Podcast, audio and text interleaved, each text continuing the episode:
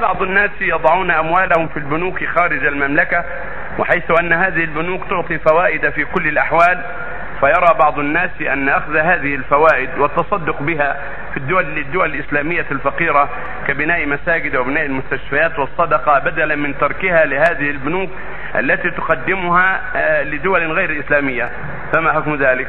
أما الاتفاق على ذلك فلا يجوز، الاتفاق على الربا لا يجوز ولو قال تصدق بالزيادة ما يجوز اتفاق على الربا ولا يجوز المعامله بالربا لكن لو أن إنسانا فعل ذلك لقلة إيمانه وضعف إيمانه ثم هداه الله يتصدق بهذه الأشياء لما قبضها.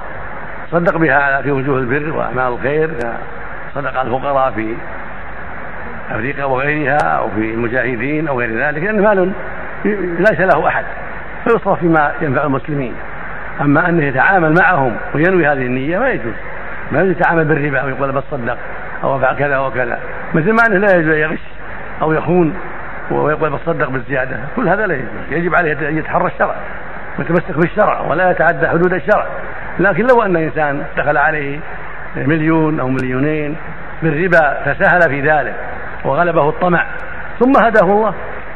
هذه اللي دخلت عليه بالربا يصدق بها ويعطيها أهل الجهاد أو الأفارقة المحتاجين أو غيرهم من المحاويج أو يقضي بها دين عن مدايين مضاعفة أضعاف المساكين أو يصلح بها دورات المياه للمحتاجين أو ما أشبه من وجوه البر